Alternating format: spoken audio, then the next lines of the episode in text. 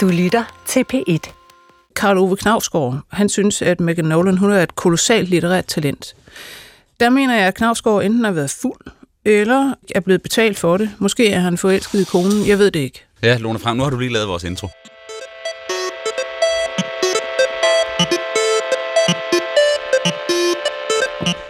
Kærlighed kan få os til de mest utrolige ting. Og til sydlandet er også det mest forrygte og selvdestruktive. Det oplever vi på nærmeste hold i den irske forfatter Megan Nolans debutroman Desperate Handlinger. Karl Ove Knavsgaard har udnævnt Megan Nolan som et kolossalt litterært talent.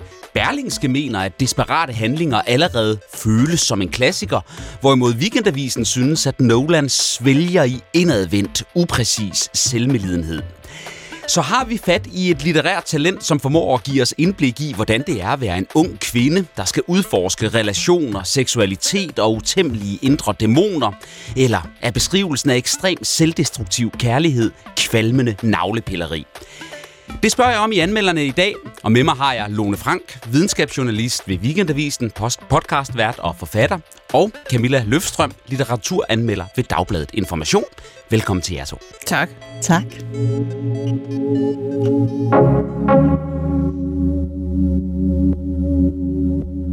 I de øjeblikke, for det var kun det første af, hvad der med tiden blev til flere hundrede, hele måneder, års kasten sig i støvet for ham, trylede jeg ham om at se, hvor lille jeg i virkeligheden var. I støvet ligger en kvinde i 20'erne. Hun har forelsket sig dybt og voldsomt i et sæt store, grå øjne, en skæv ørnenæse og en perfekt kerubmund. Kieran hedder gudeskikkelsen, som bliver den navneløse hovedpersons kæreste. Hun håber, at han kan gøre hende helt og lykkelig, men i virkeligheden bruger hun Kieran som et værktøj til sin selvdestruktion, og deres kærlighed til at smadre ham. Hun udnytter nemlig det stærke tillidsbrud, som Kieran har oplevet i sit tidligere forhold, til at give sig selv betydning. Selvom hun godt ved, at det er dømt til at mislykkes, for Kieran er følelsesmæssigt utilgængelig og forelsket i sin tidligere kæreste. Folk sagde, at man skulle være sig selv og være stærk og uafhængig for at være forelsket. De sagde, at forsagthed og underkastelse ville jage mændene bort, at selvsikkerhed var tiltrækkende. Men jeg havde gjort det, havde slidt ham ned med svaghed. Han elskede mig ikke. Kunne ikke. For hvilken mig var der at elske? I et forsøg på at finde ud af, hvem det mig er, er hovedpersonen afsted på en smertefuld og længselsfuld rejse, hvor hun i en blanding af enorm blindhed og klarsyn i glemt, indtager voldsomme mængder alkohol og sætter sig selv i ydmygende og desperate situationer med mænd. Hun vil bekræfte sig selv i, hvor lille og betydningsløst et menneske hun er. Jeg har nærmest ondt i sjælen efter at have læst øh, Desperate Handlinger. Den har simpelthen formørket og, og, og pint mig lidt. For sjældent har jeg da oplevet så meget desperation og følelsesmæssig armod som her. Den her roman gør mig nærmest skamfuld på menneskehedens vegne. For hvorfor fanden kan den her kvinde ikke se, at fyren ikke er god for hende, og at øh, hun ikke er god for sig selv? Men på den anden side, at jeg ikke kan forstå eller genkende mig selv i øh, hendes desperate handlinger, det er måske ikke så mærkeligt, for jeg er ingen ung kvinde. Det har jeg aldrig været, det kommer jeg aldrig til at blive. Så Camilla, er det mig, der er blind eller er det hovedkarakteren, der er blind for konsekvensen af sine egne handlinger? Jamen, nu taler du allerede om hovedpersonen som en øh, virkelig person. Mm. Og øh, det er jo det, som rigtig gode romaner kan.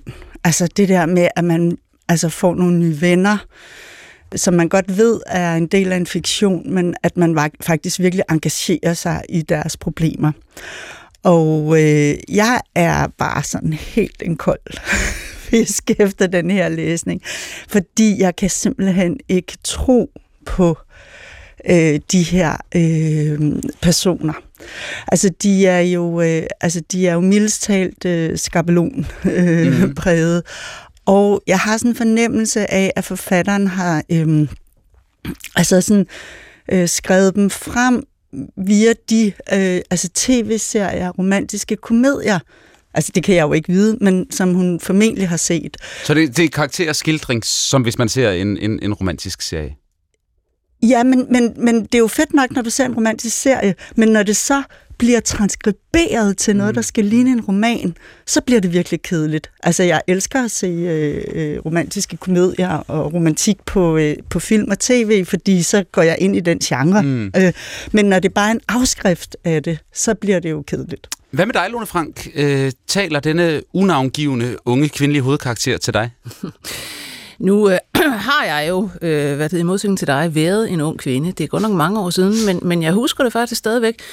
Og jeg har da aldrig været i nærheden af øh, at være på den her måde, men jeg vil også sige, ligesom Camilla, det, det der er galt med den, er jo ikke, at det handler om, om selvdestruktion og, og hvad det hedder, mør, øh, mørke sider og så videre. Altså man kan bare se, du ved, altså Celine, Jean Genet, mm. du ved, whatever i verdenslitteraturen. Altså øh, herværk, fornedrelse og, og, og selvdestruktion kan være fantastisk, hvis der på en eller anden måde er noget transcendent, der er noget højere, der er noget altså indsigt i menneskets natur, noget større. Det her er klummeskriveri af den mest tokrummende art. Konen er jo også, altså hun er sådan en 33-årig øh, klummeskribent, mm. øh, hvad det hedder, på The Guardian og andre steder, og det er simpelthen, det er små, korte stykker, skrevet som klummer, hvor nu vil jeg fortælle om øh, et eller andet, hvordan det er pinligt, at jeg gør sådan og sådan, som mm. klummer meget gerne skal være i virkeligheden. Ja, hvad, hvad skulle hun have gjort i stedet? Altså, hvad er det, du mangler?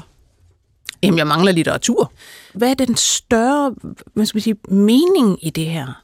Vil, vil du fortælle noget som helst andet, end at, at øh, en ung kvinde kan, kan finde på at være et, simpelthen dumt væsen. Altså, hun skriver jo også om i taksigelserne. Ikke? Man får mm. fornemmelsen af, nu sagde du før det her, øh, er det nu er det en rigtig person, man, man taler om her? Jeg, jeg tror, at hun er inspireret af sig selv. Altså man kan, man kan fornemme det der, i, når hun siger tak til sine forældre for, at de har udholdt, at hun igen og igen har smadret sit liv og samlet det op igen osv. osv.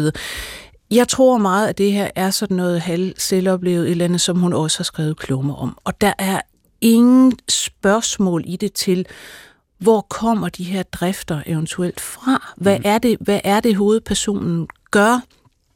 Og hvorfor gør vedkommende det? Der er ingen tegn på, hvad skal man sige, som du også siger, man, man tror simpelthen ikke på personerne, fordi det er ligesom, om de ingen baggrund har. Der er ingen, hvor, hvor, hvor, hvorfor skulle hun gøre det her? Ja, hvad hvorfor skulle en, hun være så tåb? Hvad er det for en traume, der ligger i bagagen? Ja, ja, ja. hvor fanden kommer det fra? Men kan du, Camilla, se litterær kvalitet af den her øh, klummeskrivestil? Øh, nej, det kan jeg desværre ikke. Altså, jeg er desværre helt enig med Lone Frank. Øh, men vi kunne jo komme, altså vi kunne øh, måske prøve at komme det sådan lidt nærmere, altså at øh, ja, klummeskriveri, men hvis nu vi så siger, Nå, nu ved vi tilfældigvis, at forfatteren øh, Megan Nolan også er klummeskriver, men man kan jo også se det i selve bogen. Mm. Altså, Hvordan? At, Jamen, det er det her med, at øh, altså det her det er et, et øh, klokkeklart eksempel på en debut, der er fyret for tidligt af. Mm-hmm. Og det kunne jo måske, hvis man siger forlaget, øh, hvorfor udgiver de så det, når nu vi kan sidde her og blive så enige om, Fordi at hun, det ikke hun skal er udgive. populær klummeskriver ja. lige nu. Ja, det er altså et... hun er jo et brand i forvejen, ja. ikke? så ja. den sælger jo sig selv. Og så øh, kan man sige, man vil jo al, altså hvis jeg var forlægger, jeg vil jo aldrig øh, synes, at en, der skal skrive sin første roman, skal udgive en roman på 320 sider. Det er et meget, meget stort brød at slå op. Mm. Og der kan man sige, at det hænger slet, slet ikke sammen. Og, for, og det er, altså den der, nu uh, citerede du noget fra uh, Weekendavisens Linnea Meyer Ernst mm-hmm. uh, anmeldelse, ikke? og hun nævner det upræcise. Det er så upræcis, som der, hvor romanen begynder. Første gang, jeg så ham, det er så Kieran, kan vi forstå. Men så lidt senere, så kommer det næste passage. Nå nej, jeg har også set ham en gang før på biblioteket. Altså, den kan, altså teksten kan ikke engang blive enig med sig selv om, hvornår det var første gang, denne her vilde forelskelse dukkede op for en øjnene på hovedpersonen. Ikke? Der, der er et andet træk, jeg synes også er meget, meget klummeragtigt. Det er det med, at nogle gange, så er der sådan en form for meta-halløj indover, hvor hun siger noget med, jamen, altså, nu her, en gang imellem adresserer hun simpelthen i læsere. Sådan lige en, en tre-fire gange i løbet af en roman. Mm. Altså, hvis man skal gøre det, så skal man gøre det konsekvent. Ja, skal det være en stil. Ja, men det her, det er sådan tre-fire gange, hun siger, jeg ved godt, I læser, I gider ikke høre om, øh, at kvinder er svage osv., men, og, og det skal vi jo heller ikke være, og egentlig, men så alligevel vil jeg godt sige, at, mm. og så kommer hun med et eksempel, det, hun er svag. Men, altså, det, men den der appel, altså læserappel, den kommer også allerede i, i kapitel 2. Sådan, tror du ikke, jeg er bevidst om mm. at kalde hans krop et sted? Altså det er sådan, ja. der hvor at, øh, at hovedpersonen er i gang med at beskrive Karen. Og der tænker jeg det, altså jeg tænker, altså det kunne være sådan en klumme, træk, ja, men det kunne også være et tegn på, at teksten ikke er hjemme hos sig selv. Altså, forfatteren er nødt til at appellere til læseren, gå ud og sådan sige, ej, altså forstår du ikke nok, hvad jeg mener? Jeg har ikke engang tænkt det færdigt selv. Hmm. Vil du lige hjælpe mig med mm. at tænke de her tanker færdige? Ikke? Ja. Men, men lad os lige øh, dvæle lidt ved, øh, ved netop det her med øh, kvinden og offerrollen, for nu har jeg lige fundet citatet her, og, og som litteratur synes jeg måske nok, der er noget velfungerende i det her. Jeg vil gerne lige læse lidt op. Det lyder sådan her. At mediere sin egen offerstatus er bare en del af det at være kvinde. At bruge den eller benægte den, hade den eller elske den, alt sammen på én gang. At være offer er kedeligt for alle de involverede parter. Det er kedeligt for mig at skulle fremstille mig selv via oplevelser, der konstant bliver instrumentaliseret som narrative greb i sæbeoperaer og tabloidmedier. Er det derfor, jeg skammer mig så meget over at tale om visse begivenheder, eller over at finde dem interessante? Det er en del af gruen ved at blive gjort ondt på et generisk plan. Ens oplevelser er så almindelige, at de bliver umulige at tale om på en interessant måde. Jeg er fuldstændig enig i det sidste, og derfor skulle hun have lavet være. Men jeg vil gerne lige vende tilbage til det der med, at, altså, hvorfor hun opfører sig så dumt, den mm. her hovedperson. Mm. Altså fordi det synes jeg, øh, vi bare sådan dømte ude. Og der vil jeg sige, at det kender jeg godt. Man opfører sig dumt, og så bliver man klogere, og så opfører man sig stadigvæk dumt.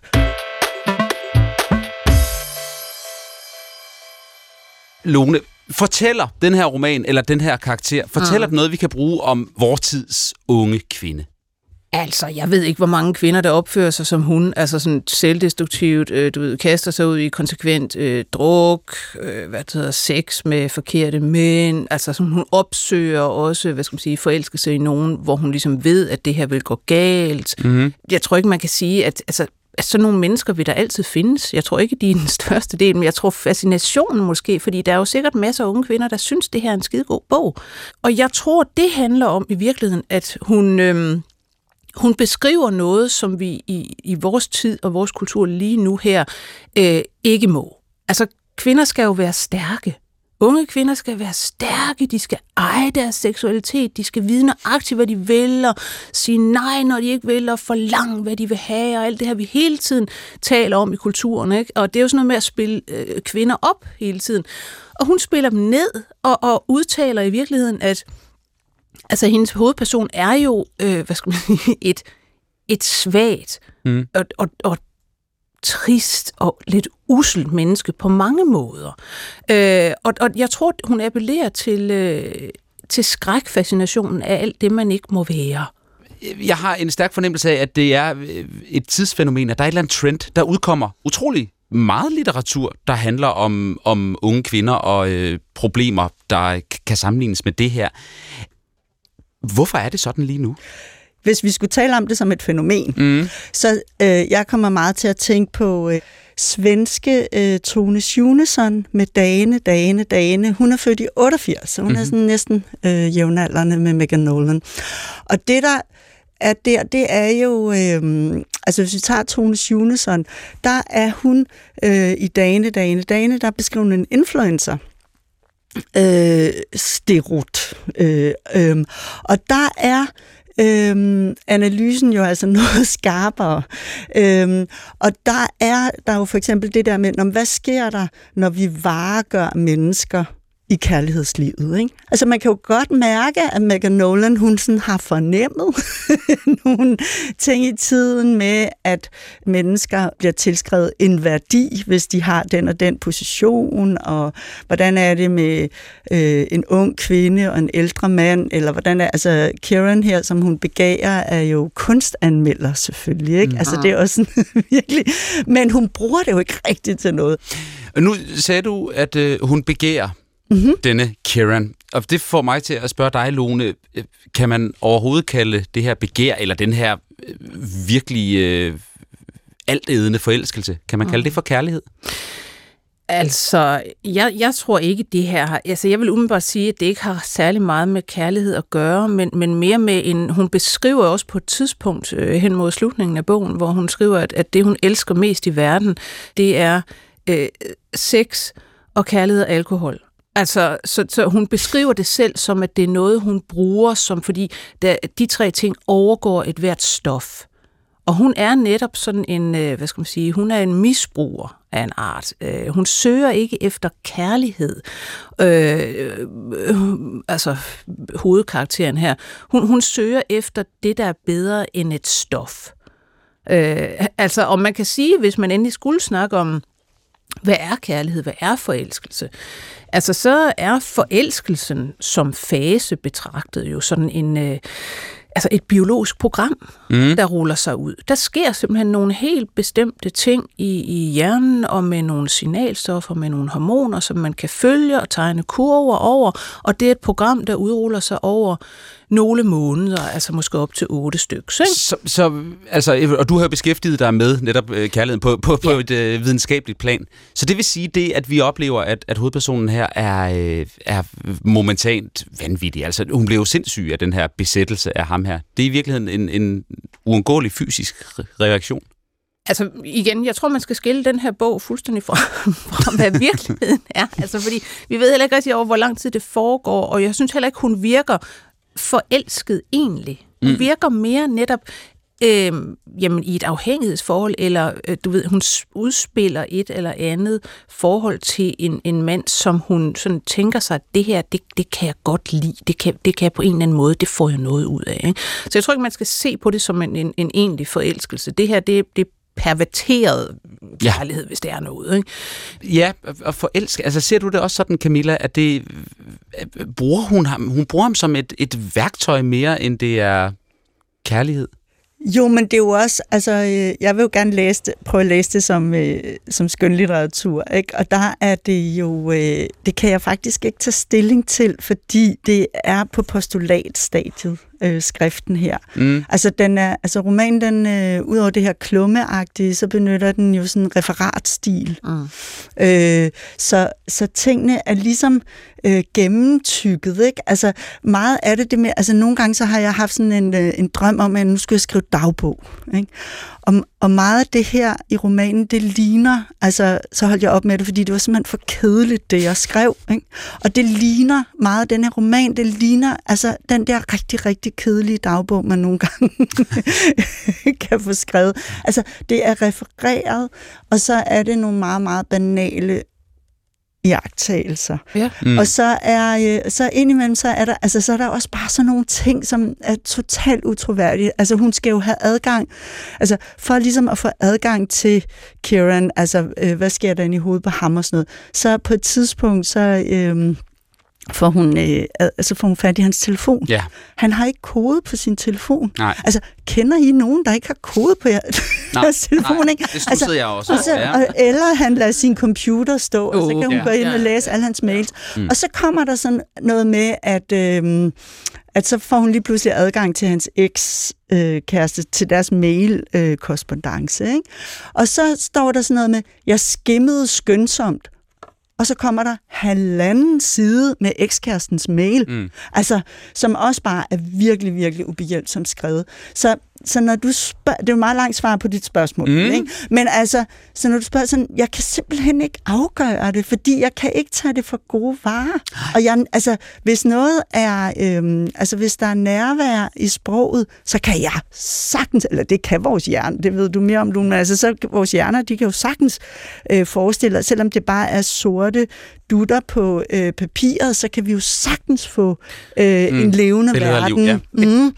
Men det er jo det, der er med den her, den skaber netop ingen billeder, den, den skaber ikke nogen eftertanke, den skaber ikke det der rum, man, man ligesom får over sit hoved, når man sidder og læser fantastisk skønlitteratur. Ikke? Så er det jo mm. som om, man går ind i et eller andet, en anden verden. Ikke? Det her er ikke nogen verden, det, det er fladt. Jeg fornemmer, at I ikke har helt Carlo Knavsgaards uh, begejstring for, for den her litteratur. Men uh, inden vi øh, skal opsummere og øh, komme med en endelig anmeldelse af desperate handlinger, så har jeg bedt jer om hver især at komme med en kultur anbefaling på et stykke kultur, noget man kan læse, se, høre, smage, sanse på en eller anden måde, som også beskæftiger sig med kærligheden og måske selvdestruktionen, og som er en anbefaling værdig. Camilla Løfstrøm, skal vi ikke begynde med dig? Jo, meget gerne. Jeg, har, øh, jeg vil gerne anbefale John Grants øh, andet soloalbum, øh, Pale Green Ghosts fra 2013. Mm. Og det øh, er sådan et album, øh, som også handler om ulykkelig kærlighed, altså om at blive dumpet. Og øh, der er, øh, altså John Grant er øh, altså hvis, øh, eminent til også altså, at, at beskrive øh, altså misbrug og selvhad i sine tekster, og så er så har han den her eller det her synthesizer, som bare sådan kører ind over, som jeg synes virkelig sådan, altså hvis de her, de her kaotiske følelser og, og sådan, smerten, hvis det skulle være musik, så, øh, så synes jeg virkelig, det øh, er godt ramt der. John Grant, tak for øh, den anbefaling. Lone Frank? Jamen, jeg vil, jeg vil anbefale en film, en af de øh, mest fantastiske dokumentarfilm, jeg nogensinde har set. Det er Laurie Andersons Heart of a Dog, som er lavet af hende selv. Den er virkelig mærkelig. Den handler ikke om selvdestruktion, den handler om kærlighed. Den er i virkeligheden et fantastisk indblik i kærlighed, øh, hvad skal man sige, både det vi vil kalde lykkelig kærlighed, altså blandt andet til, men man fornemmer til hendes øh, afdøde mand, Lou Reed, som ikke bliver nævnt rigtigt, men, men det flyder ligesom igennem det her historie, som handler meget på overfladen om deres hund.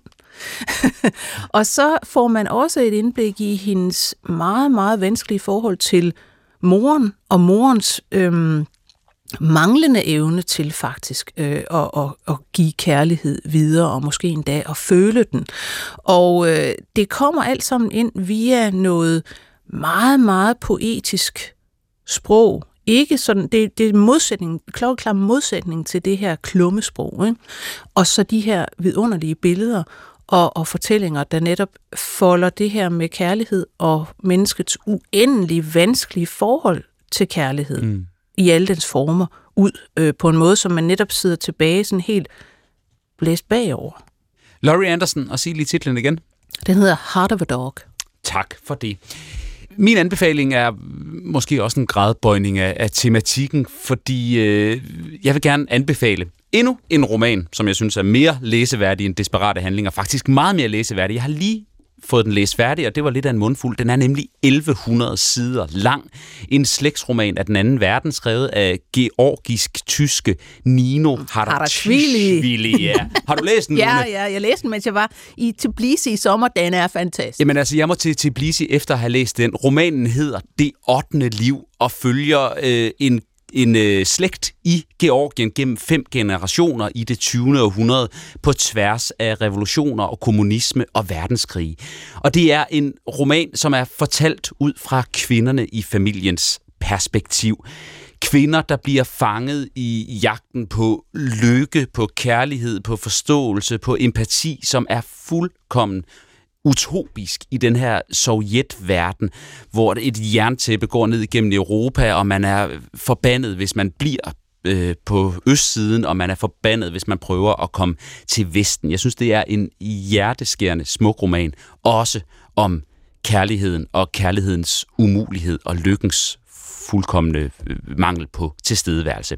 Det 8. liv, Nino Haratishvili, den er meget lang, men bare se at komme i gang. Læs den. Og med de her tre anbefalinger, så skal vi altså nu have den afsluttende anmeldelse af Megan Nolans desperate handlinger.